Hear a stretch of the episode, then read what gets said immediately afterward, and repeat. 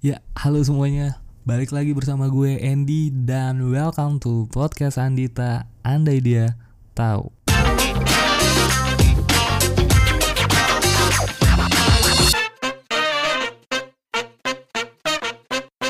Di episode ketiga kali ini, sesuai janji gue, gue bakal ngebahas ke dalam tema yang berbeda.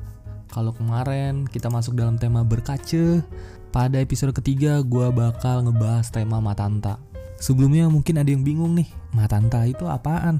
Wah ini ketahuan nih, nggak denger episode pertama karena di episode pertama itu gue ngasih tahu secara jelas banget Matanta itu apa, berkaca itu apa, damugu apa. Ini buset dah, udah ke episode ketiga baik. Balik dulu ke episode 1 biar tahu. Tapi tenang, tenang, tenang.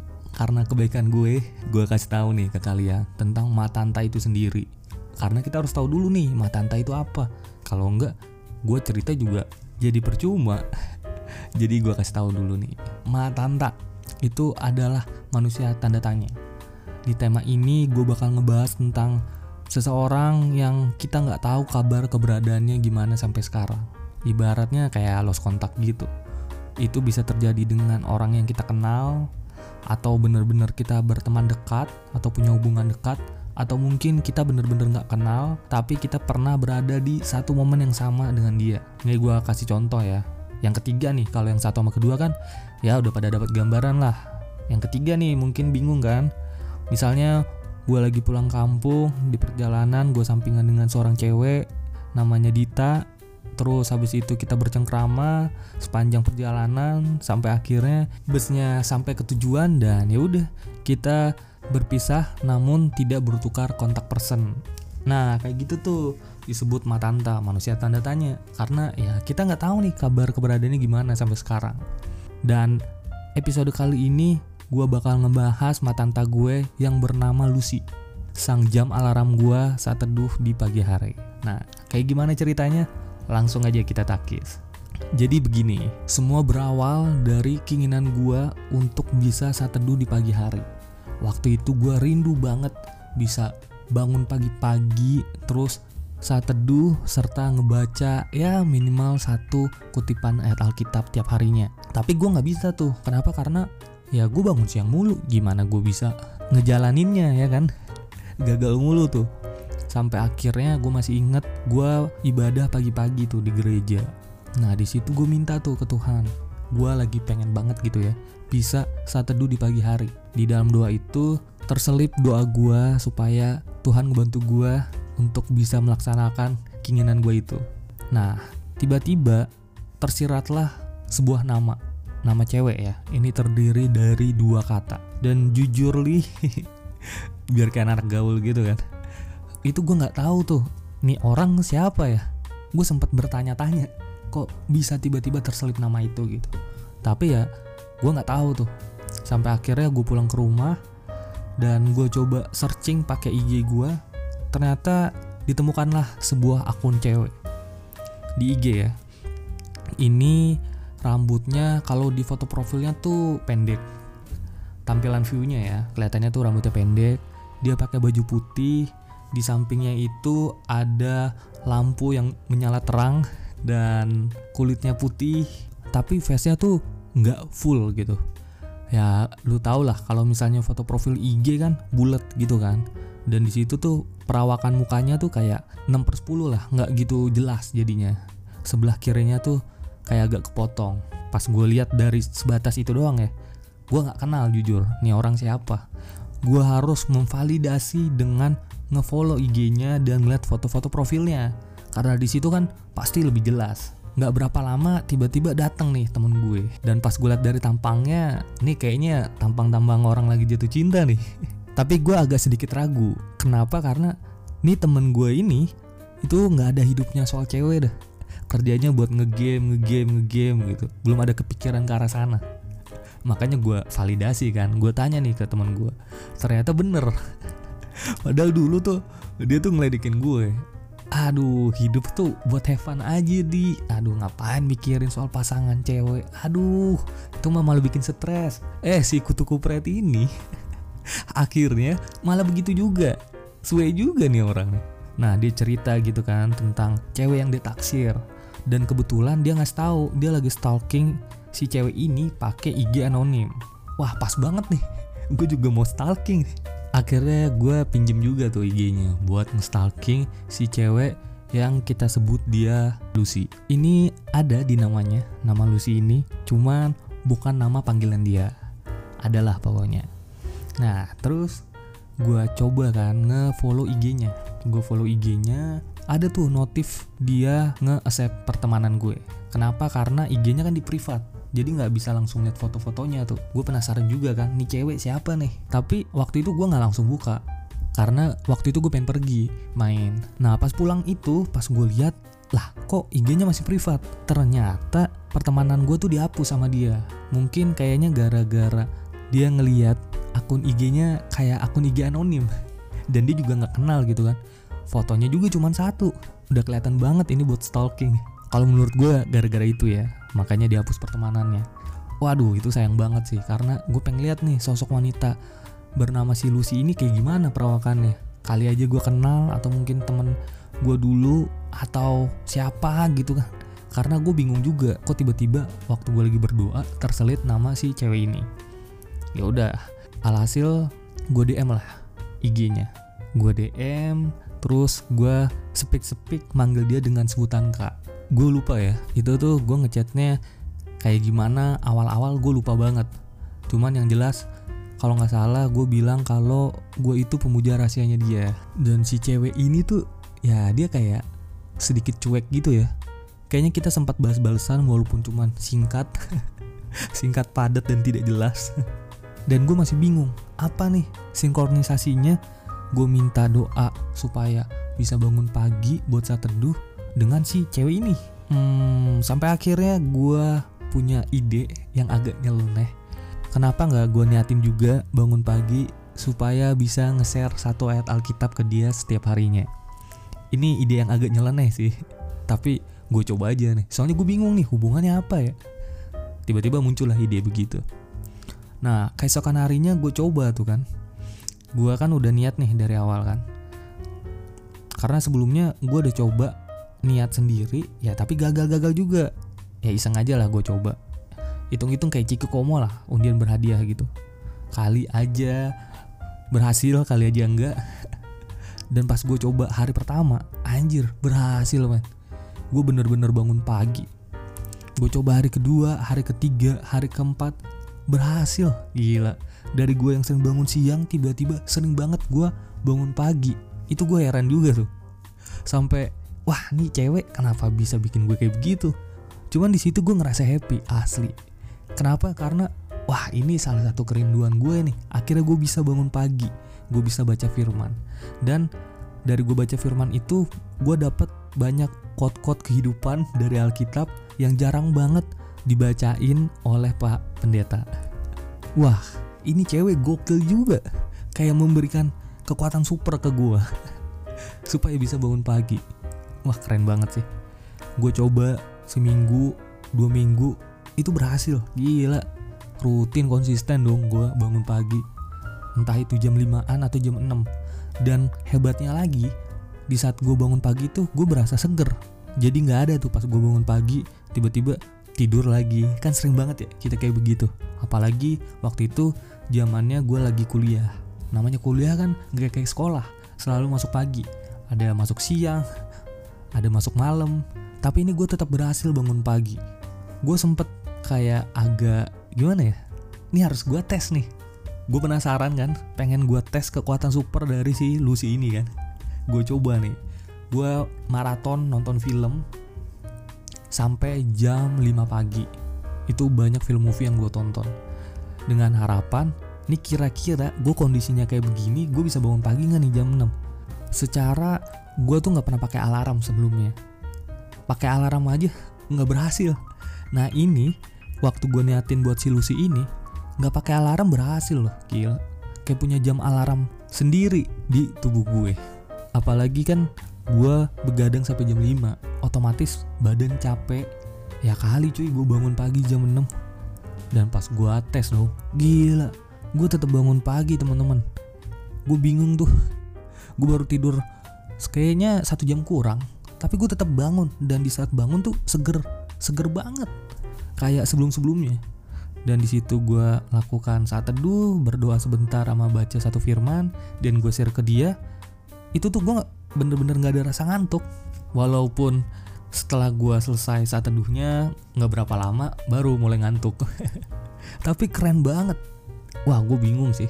Kok bisa tuh si cewek bernama Lucy ini si matanta gue ini memberikan gue kekuatan gitu. Dia tuh udah kayak ibu peri. Tiba-tiba ngasih sihir gitu kan. Boom gue jadi punya kekuatan tuh bangun pagi. Gokil banget sih. Gue semakin penasaran siapa sih si cewek ini? Ya karena IG-nya di privat kan pertemanan gue juga dihapus jadi gue nggak bisa ngeliat foto-fotonya. Dan namanya juga asing gitu buat gue jadi cewek ini tuh kayak jadi misteri aja gitu buat gue siapa si cewek bernama Lucy ini dan gue ngelakuin hal itu selama sebulan. Kalau nggak salah ya itu nyampe sebulan gitu. Dalam sebulan gue selalu bangun pagi saat teduh dan ngirimin dia satu ayat Alkitab tiap harinya nah terus gue sempat stop gitu kan. Kali aja ini udah jadi habit gue gitu kan. Gue coba stop gue nggak pengen ngasih dia ayat Alkitab lagi gitu. Apakah gue bisa bangun pagi atau enggak? Dan di saat gue tes waduh bener dong gue nggak bangun pagi. Di saat gue nggak niatin dia buat ngasih satu ayat Alkitab padahal gue udah niatin nih supaya gue bisa saat teduh di pagi hari ujung-ujungnya gue kesiangan. Itu kayaknya ada beberapa hari gue coba dan ya semuanya gagal. Ya udah alhasil gue lanjutin lagi. Pokoknya itu dalam sebulan itu sempet tuh gue berhenti stop beberapa hari. Ya gue lanjutin lagi karena nggak bisa. Sampai akhirnya gue masih inget banget gue berhenti stop total ngechat dia itu nge DM ngasih satu ayat Alkitab ke dia itu tuh tanggal 9 Mei tahun 2017 kenapa gue bisa tahu? Karena tanggal itu adalah tanggal di mana salah satu gubernur terbaik Jakarta yaitu Pak Ahok masuk ke penjara karena kasus Al-Maida dan di situ gue juga sempet gimana ya kayak ngerasa nggak enak gitu. Ini gue nggak tahu nih si cewek ini keganggu apa enggak? Takutnya juga dia punya cowok dan cowoknya ngeliat terus disangka dia selingkuh lah. Atau misalnya dia risih tiap pagi ada yang nge-DM gue gue kira ayang embeb lah ternyata manusia nggak jelas. Gue kan bener-bener nggak tahu nih. Karena sebelum sebelumnya gue lihat dia cuma ngerit aja gitu. Nggak ngasih sebuah komen atau apa gitu nggak. Ya udah gue stop. Nah pas gue stop gue coba selama seminggu dua minggu gagal. Entah kenapa itu juga bikin kekuatan gue jadi hilang gitu. Balik lagi tuh kayak pertama kasih angan mulu gue gagal gagal maning. Tapi gue kan juga nggak mau nyusahin dia nih. Ya udah akhirnya gue bener-bener stop. Ya ntar gue cari cara sendiri lah supaya gue bisa rutin saat teduh. Walaupun sampai sekarang masih gagal ya masih suka susah gitu. Apalagi jam tidur gue yang nggak teratur terus gue sempet kepo kan sama nih cewek gitu. Gue juga lupa tuh nih cewek namanya siapa ya? Ya udah gue coba aja tuh login lagi pakai akun IG anonim punya temen gue. Dan pas gue coba nggak bisa cuy. Gue bingung kan lah kok ini nggak bisa dibuka? Gue tanya lah ke teman gue kan. Cuy kok ini akun IG-nya udah nggak bisa dibuka lagi sih? Ternyata si teman gue ini emang ngapus IG-nya jadi dia ngerasa akun IG ini tuh kelihatan banget gitu buat nge-stalking. Fotonya cuma satu mana foto bule pula ya kan? Nggak ada foto-foto lain. Statusnya juga nggak ada nggak jelas. Ya udah makanya dihapus aja. Waduh mana gue lagi lupa namanya. Soalnya dari IG itu kan ada DM gue ke dia. Nah di situ gue jadi bisa inget tuh namanya siapa. Tapi waktu gue coba inget-inget, gue bener-bener lupa namanya. Sampai akhirnya ya cewek itu jadi salah satu misteri dalam hidup gue. Nah beberapa minggu kemudian, nih posisinya di gereja nih. Tiba-tiba gue bisa tahu si cewek ini. Sebenarnya secara nggak sengaja. Bukan gara-gara waktu gue doa tiba-tiba namanya nongol lewat gitu nggak. Itu terjadi pas waktu pulang dari gereja jadi udah selesai ibadah gitu kan nah terus tiba-tiba ada tukang parkir manggil si cewek itu si nama ini. Gue baru jadi keinget tuh gara-gara ada yang ngepacu ingetan gue kan? Lah iya ya itu nama ceweknya dipanggil sama tukang parkir. Orangnya yang mana tuh? Gue lihat kan dari jarak jauh. Oh ternyata itu orangnya. Si cewek bernama Lucy. Waduh gue bener-bener gak ngira ya. Ternyata dia satu sekolah minggu sama gue dan mungkin kalian bertanya-tanya kan? Lah lu satu gereja satu sekolah minggu. Kok lu bisa nggak apal sih sama temen lu? Ya emang nggak apal ya kenapa ya? Karena kita jarang berkomunikasi gitu. Kayaknya komunikasi secara personal ya gua sama dia itu nggak pernah ada. Gue juga pas waktu mikir-mikir iya ya gue nggak pernah komunikasi anjir sama dia. Padahal kita satu jemaat satu sekolah minggu dulu tapi saling nggak kenal. Malah kayak dua orang asing gitu. Wah parah banget sih berasa freak aneh aja ya kan? Ya tapi kalau dibilang wajar sih. Kenapa wajar? Karena waktu itu gue kan orangnya pemalu banget itu yang pertama. Terus yang kedua di sekolah minggu gue itu ada cowok ada cewek kan? Nah yang cowok nyampur sama cowok yang cewek nyampur sama cewek.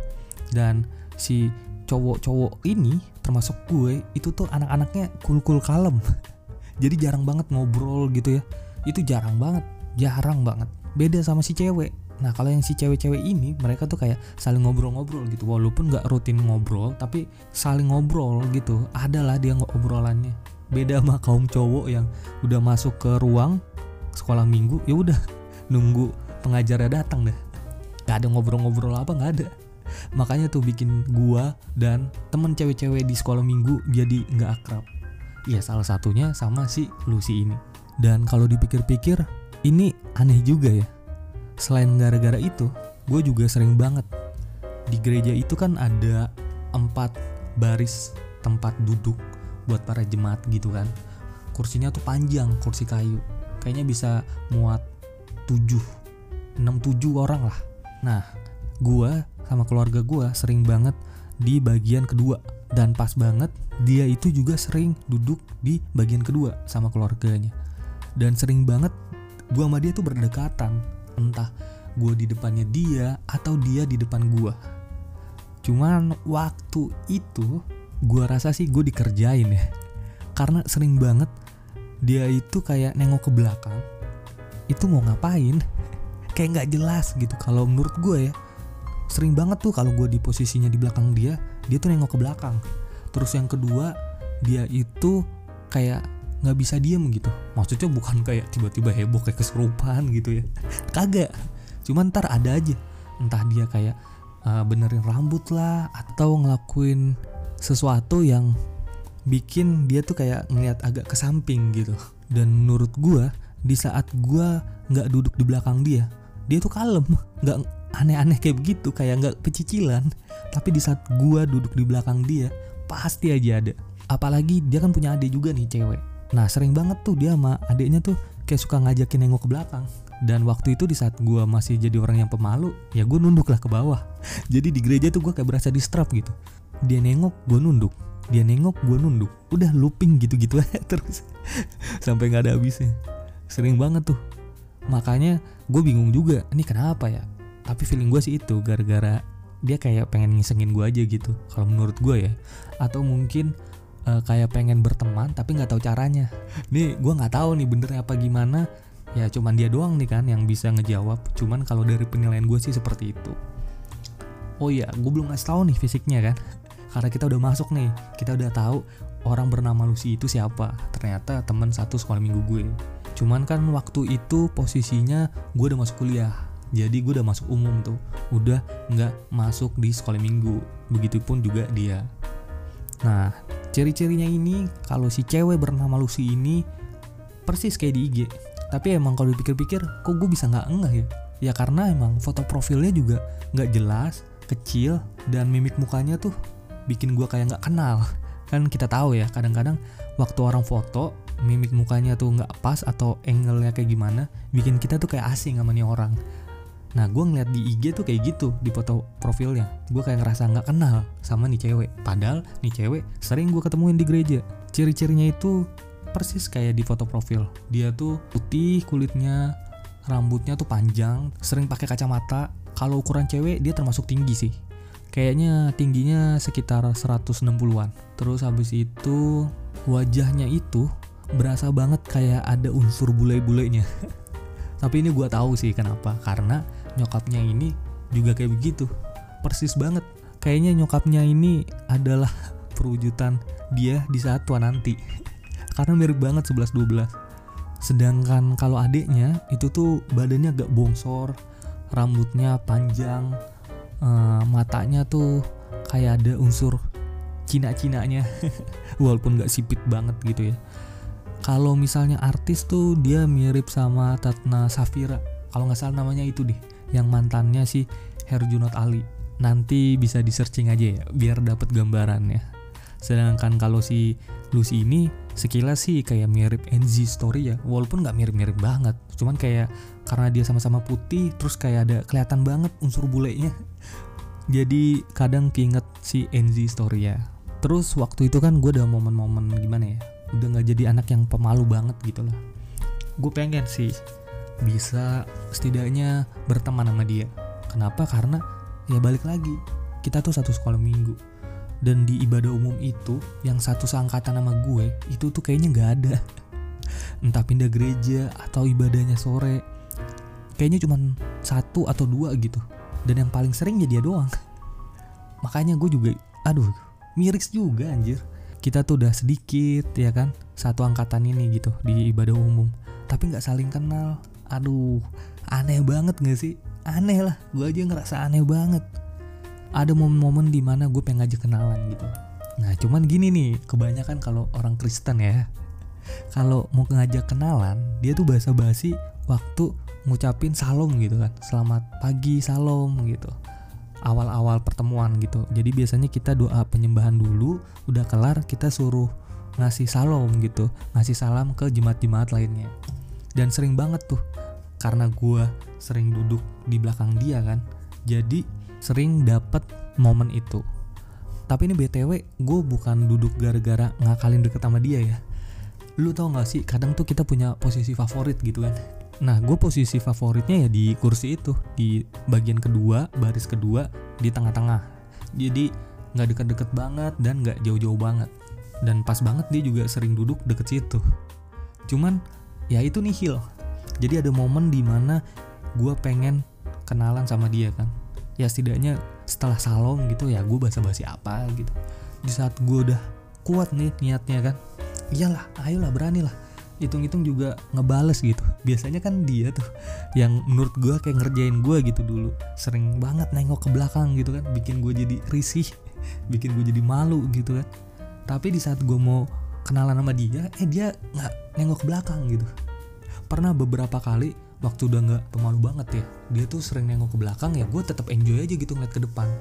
Dan kayaknya dia agak bingung gitu kalau yang gue lihat ya dari persepsi gue gitu. Kok nih orang biasanya gue nengok nunduk sekarang malah kagak?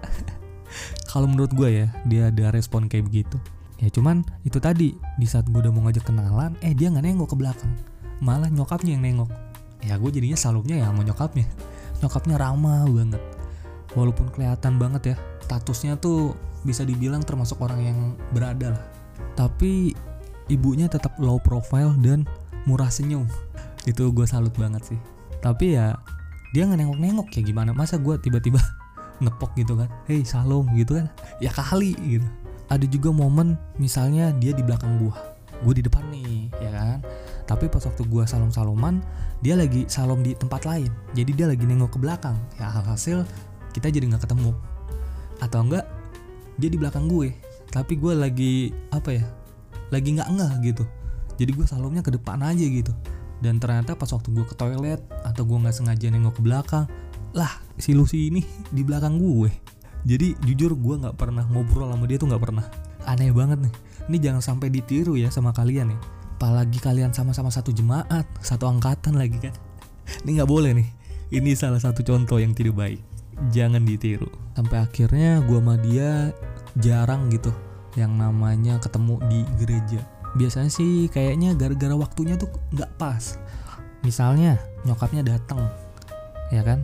Tapi dianya nggak datang terus gue juga lagi momen-momen di mana mengejar banget duniawi. Jadi jarang ke gereja gitu. Ini jangan dicontoh ya. Sering tuh dulu gue begitu. Jadi nggak ketemu. Tapi kayaknya waktu gue ke gereja nyari-nyari gitu kan. Waktu gue ngeliat dia ah kayak berasa tenang aja gitu. Wah nih orang ke gereja nih. Jadi sering tuh gue pas ke gereja ngeliat sekeliling gitu. Nyari nih si cewek Lucy ini mana nih orangnya nih? Ya cuman begitu aja sih nggak ada maksud yang lain. Terus kita kan udah jarang ketemu gitu kan. Tapi gue yakin dia sih gerejanya masih sama sih karena ya nyokapnya gereja di situ. Dan gue beberapa kali juga masih ketemu sama dia walaupun intensitasnya tuh juga jarang gue sempet kepikiran apakah gue kenalan sama dia lewat IG aja gitu. Gue pakai IG asli habis itu gue ngefollow dia dan ngechat dia. Tapi kayaknya kalau menurut gue nih ya cara kayak begitu tuh kayak nggak efektif gitu buat dia. Maksudnya gue belum pernah ngobrol sama dia terus tiba-tiba gue kenalan di sosmed kayak berasa cupu banget gak sih? Dan gue lihat cara kenalan dengan dari sosmed kalau buat si cewek ini nggak ampuh. Kayaknya ya kalau dari penilaian gue gitu kan. Ya udah dah gue jadi nggak ngefollow IG-nya. Justru gue minta teman gue lagi ada. Ini jadi banyak teman gue nih yang diribetin gara-gara dia nih. ada temen gue satu sekolah juga adik kelas. Nah gue suruh dia ngefollow. Ya jatuhnya sebenarnya bukan buat stalking sih buat iseng-iseng aja kalau misalnya gue pengen lihat nih dia kayak gimana nih kehidupannya sekarang gitu kan. Walaupun sebenarnya gue lihat di IG dia jarang banget sih ngepost foto gitu beberapa momen doang bukan termasuk yang aktif banget. Jadi gue tetap stalking dia tuh.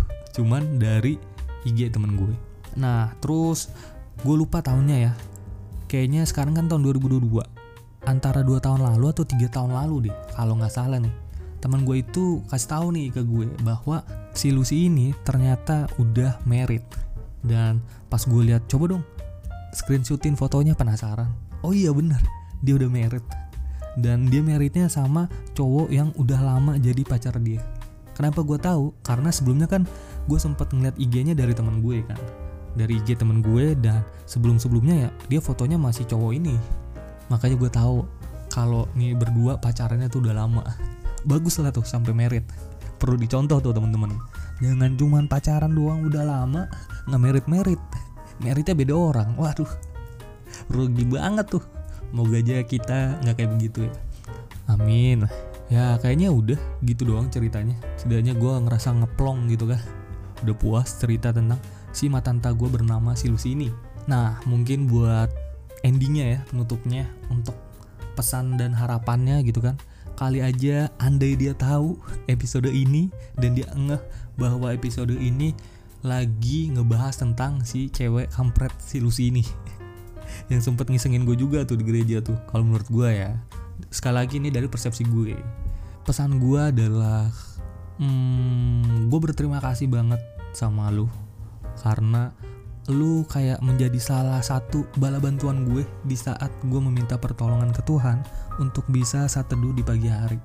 Gue juga nggak pernah terpikirkan sebelumnya bisa begitu, tapi ya emang ceritanya ya begitu apa adanya. Gue berterima kasih banget karena di saat momen itu, wah itu vibe-nya tuh positif banget.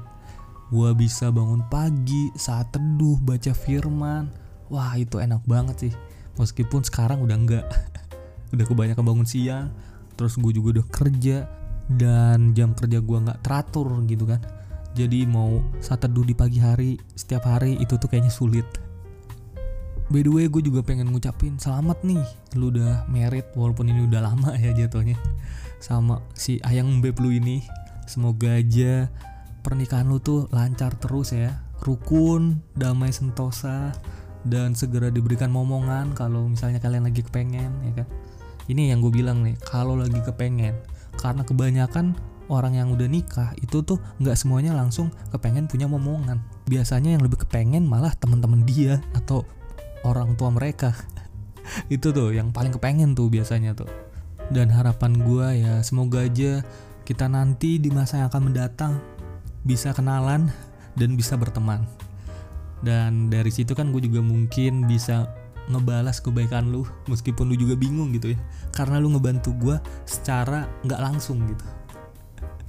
Pasti lu juga kalau ngeh dan denger cerita ini lah gue berartinya kayak nggak ngapa-ngapain. Emang lu nggak ngapa-ngapain. Tapi lu tuh ngebantu gue supaya bisa bangun pagi. Gue juga bingung tuh caranya. Kalau bisa sih gue malah mau request nih ke lu. Lu kasih lagi nih kekuatan ibu peri lu ke gue biar gue bisa bangun terus setiap pagi. Dan menurut gue ya namanya kita udah satu gereja satu jemaat harusnya kita bisa saling kenal sih.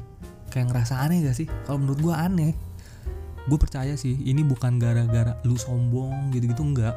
Karena ya kita nggak menemukan metode yang tepat aja gitu buat berkenalan karena gue lihat lu tuh orangnya juga nggak sombong. Dan harusnya gue yang ngepalain duluan. Gue kan udah cowok terus kalau nggak salah lu kan tahun 95 ya? Seingat gue tuh lu tahun 1995 deh. Lu tuh lebih muda setahun gitu dari gue kalau nggak salah ya. Dan bintangnya Leo deh kayaknya. Ini gue udah mulai soto ini. Gue lupa lupa ingat tapi kayaknya sih ya kayaknya sih lu Leo. Seingat gue nih jadi kalau misalnya bener wah berarti kita sama nih satu bulan nih. Karena gue juga Leo gue di bulan Juli. Ini gue malah jadi malah jadi promo ngasih bulan ulang tahun. Ya begitu deh pokoknya semoga aja lu berbahagia selalu sukses selalu yang dikerjakan tercapai. Dan ya itu tadi kita bisa berteman dan mungkin suatu saat gue bisa ngebalas kebaikan lu. Dah cukup. Udah segitu dulu podcast episode ketiga kali ini. Gue bener-bener ngerasa puas dan plong ya kan? Dan bener nih kalau misalnya mungkin di masa yang mendatang kita udah jadi teman gue bakal jujur walaupun gue nggak tahu ya mungkin lu kepo banget atau lu EGP ya cuman gue jujur aja nanti kalau misalnya udah kenal gitu udah deket gue jujur dan gue pengen berterima kasih secara langsung gitu gue ucapin ke lu ya udah dulu episode ketiga kali ini Terima kasih buat teman-teman yang udah dengar episode Matanta sampai habis. Si cewek bernama Lucy, sang jam alarm gua saat teduh di pagi hari. Terima kasih banget. Kalau misalnya kalian nih dengar cerita gua dan kalian jadi keinget nih momen-momen kalian bersama Matanta kalian. Bisa banget kalian kirim cerita kalian lewat email di podcastandita@gmail.com. Dan jangan lupa nih, lu tuh termasuk orang yang nyaman bercerita dengan nama panggung lu, bukan nama asli atau enjoy-enjoy aja. Kalau misalnya lu kayak gua nih, kita satu frekuensi, lebih nyaman bercerita dengan nama panggung kalian, ya udah, nanti dicerita kalian kasih tahu nih nama panggung kalian apa. Kalian sebutin, misalnya uh, perkenalkan kak, nama panggung gue adalah Dito gitu misalnya. Dan nanti bakal gue catat di kitab Andita. Jadi nama Dito itu cuman punya nama lu doang. Nama lu tuh khusus jadi nama panggung lu. Hanya ada satu Dito di podcast Andita. Ya walaupun orang nggak tahu siapa lu, tapi orang tahu nih. Setidaknya ini cerita dari satu orang yang sama. Kalau misalnya lu cerita lagi, kayak gue nih, gue kan begitu juga kan. Karena ya balik ke alasan orang beda-beda kan. Kalau gue kan karena gue ngerasa nggak enakan aja gitu sama orang, makanya gue pakai nama panggung gue, yaitu Andy. Nah, tapi kalau misalnya kalian nyaman-nyaman enjoy aja, ya udah kalian cerita aja. Kalian nggak usah bilang nama panggung gue ini nggak usah. Jadi gue menganggap kalau misalnya lu bilang nama panggung gue atau nama samaran gue adalah ini, berarti kita sama nih satu frekuensi. Gue bakal kasih tahu juga di depan bahwa kita punya temen nih nama panggung dia. Nah, jadi tahu ini bukan nama asli gitu. Gue kasih tahu ke para pendengar podcast Andita. Gue tunggu nih kalau misalnya kalian ada yang mau share cerita, kali aja kan tiba-tiba mereka para matanta itu dengar podcast pembahasan ini dan wah tiba-tiba lu berkomunikasi gitu sama dia. Keren banget. Walaupun kayaknya agak sulit ya. Cuman ya setidaknya kan lu udah ngungkapin apa yang pengen lu ceritain gitu kan. Biasa sesuai dengan tagline podcast Andita andai dia tahu. Bukan salam dari Binjai bukan ya.